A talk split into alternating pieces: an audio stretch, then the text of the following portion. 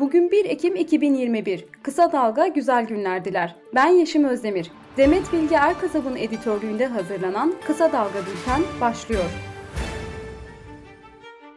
Anayasa Mahkemesi ilk kez bir kadın cinayetinde yeterli önleyici ve koruyucu tedbirleri almayan kamu görevlilerin yargılanması gerektiğine karar verdi. Anayasa Mahkemesi eski eşi tarafından öldürülen akademisyen Serpil Erfındık'a yönelik yeterli önleyici ve koruyucu tedbirler alınmadığı gerekçesiyle ihmali olan kamu görevlilerinin yargılanmasına karar verdi. AKP Genel Başkanı ve Cumhurbaşkanı Recep Tayyip Erdoğan, başkanlık sistemiyle inşallah yolumuza devam edeceğiz. Bizi yıllarca geride bırakmış olan eski vesayetçi sistemi tekrar denemenin anlamı yok, dedi.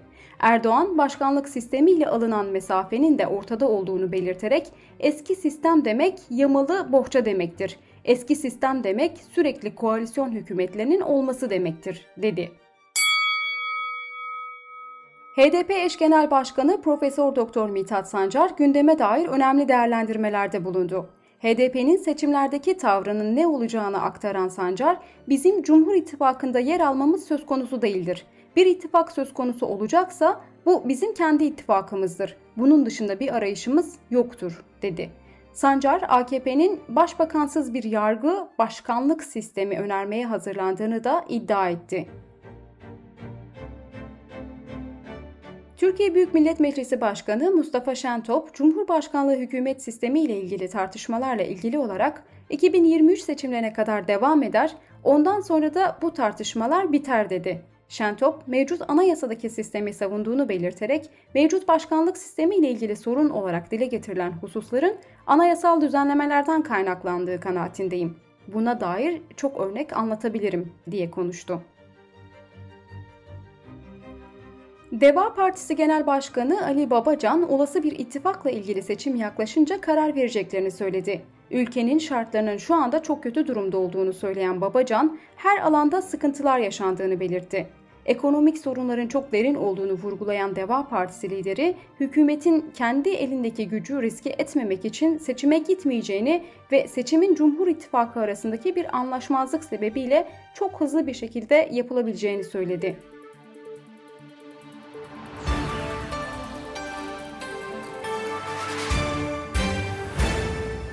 Gelecek Partisi Genel Başkanı Ahmet Davutoğlu, Rusya Devlet Başkanı Vladimir Putin ile dün Soçi'de baş başa görüşen Cumhurbaşkanı Recep Tayyip Erdoğan'a heyette herhangi bir bakan yoktu. İki ihtimal var. Ya Cumhurbaşkanı bakanlarına güvenmiyordur ve toplantıya sokmuyor ve heyete almıyordur ya da bakanlarının ehliyetine inanmıyordur dedi. Elvan çiftinin Berke'nin katil olduğu gerekçesiyle cezalandırılan polisin yargılandığı davanın 23 Eylül 2020 ve 29 Ocak 2021 tarihli duruşmalarından sonra yaptıkları açıklamalar sebebiyle ayrı ayrı 9 yıl 4 aya kadar hapisleri isteniyor. Savcılığın hazırladığı iddianamede yangından iki çocuk sorumlu tutuldu. 16 yaşındaki CY için kasten orman yakmak, olası kasla mala zarar vermek ve azmettiricilik suçlamasıyla 14 yıla kadar hapis cezası istendi. 12 yaşındaki MAT hakkında ise kasten orman yakmak ve olası kasla mala zarar vermek suçlamasıyla 7 yıla kadar hapis cezası talep edildi. Hatay'ın İskenderun ilçesinde evlerinde ölü bulunan 41 yaşındaki Aynur Mert ile çocukları 16 yaşındaki Aleyna ve 11 yaşındaki Ahmet Ali Mert'in cinayete kurban gittikleri ortaya çıktı. Olayın ardından yakalanıp gözaltına alınan eski uzman çavuş Turgay Mert, eşi Aynur ile iki çocuğunu boğarak öldürdüğünü itiraf etti. İfadesinde önce tartışma yaşadığı eşini öldürdüğünü belirten Turgay Mert, sonra eve gelen oğluma ilaçlı ayran içirmek istedim. Baba bu acı diyerek içmek istemedi. Ben de boğdum. En son eve gelen kızımı da boğdum dedi. Sırada koronavirüs haberleri var. Sağlık Bakanlığı'nın 30 Eylül'e ilişkin koronavirüs verilerine göre son 24 saat içerisinde yapılan 357.853 testten 29.104'ü pozitif çıktı.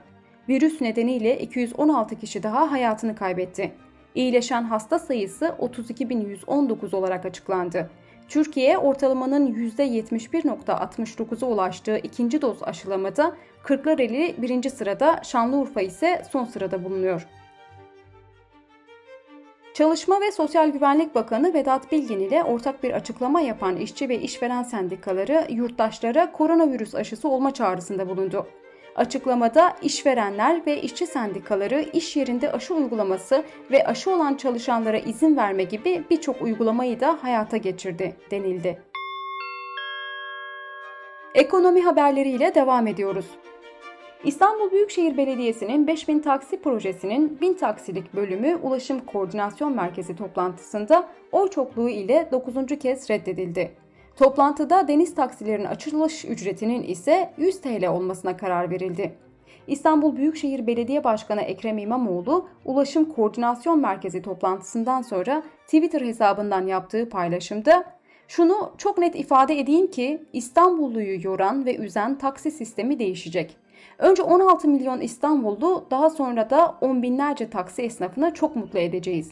Hiç kimse ve hiçbir kurum 16 milyon İstanbulludan daha güçlü değildir ifadelerini kullandı. Taksiciler Esnaf Odası Başkanı Eyüp Aksu ise İstanbul Büyükşehir Belediyesi her sorunu çözdü de sanki takside taksi. Burada bir siyasi rant var. Medya 2-3 tane kötü taksiciyi alıp sektörü kötülüyor. Taksiciler olarak 15 Temmuz'da köprülere ilk biz çıktık, dedi. CHP Genel Başkanı Kemal Kılıçdaroğlu artan fiyatlara karşı hükümetin önlemlerini eleştirirken fiyatları polisiye tedbirlerle indirmeye kalkarsanız o ülkede otoriter rejim vardır. Dolayısıyla baskıyla bu işin içinden çıkamazsınız.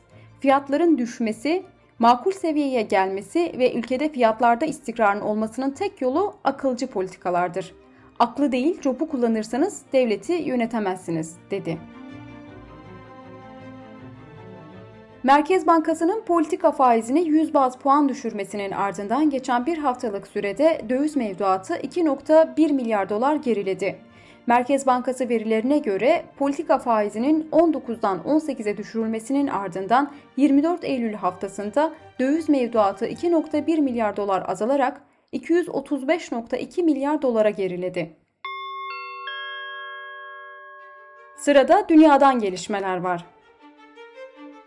Cumhurbaşkanı Recep Tayyip Erdoğan'ın dün Rusya Devlet Başkanı Vladimir Putin ile gerçekleştirdiği baş başa görüşme bugün Rus basının gündemindeydi. Moskovskaya Komsomolets gazetesinin köşe yazarı Mihail Rostovski iki ülkenin Kafkasya, Suriye, Kırım ve Orta Asya gibi konularda farklı cephelerde olduğunu, Moskova ve Ankara'nın çıkarlarının çatıştığını yazdıktan sonra Yine de büyük bir çatışma potansiyeli, tarihsel olarak rekabet içinde olan bu iki ülkenin birbirlerine sağduyu ve ihtiyatla yaklaşmasına yol açıyor ifadelerini kullandı. Afganistan'da Taliban geçici hükümetinin Dışişleri Bakan Vekili Emirhan Mutakki, başkent Kabil'deki yabancı ülkelerin diplomatik temsilcileriyle bir araya geldi. Mutakki, biz ülkede yeni hükümet sistemi kurarak, dünya ile iyi ilişkiler içinde bulunarak yeni siyasi bir fasıl açmak istiyoruz, dedi. İngiltere'de Sarah Everard'ı alıkoyup öldüren polis Van Cousens'a ömür boyu hapis cezası verildi. Baba Jeremy Everard mahkemede alacağın hiçbir ceza bize yaşattığın acıyla karşılaştırılamaz dedi. Ve son olarak kısa dalgadan bir öneriyle bitiriyoruz. Hayatımıza bugünkü gibi devam edersek 2050'de iklim krizi hangi boyutlara varabilir? Dünya ve Türkiye küresel ısınma nedeniyle hangi zorluklarla karşı karşıya kalacak? Çok uzak olmayan gelecekte neleri konuşacağız, nasıl yaşayacağız? Mehveş Evin günümüzde yapılan bilimsel araştırma ve öngörülerin ışığında bu sorulara yanıt aradı. Fedai Karakeçili'nin seslendirdiği Türkiye 2050 gelecekte bir yolculuk, distopik bir hikaye. Kısa Dalga Net adresinden ve podcast platformlarından dinleyebilirsiniz. Gözünüz kulağınız bizde olsun. Kısa Dalga Medya.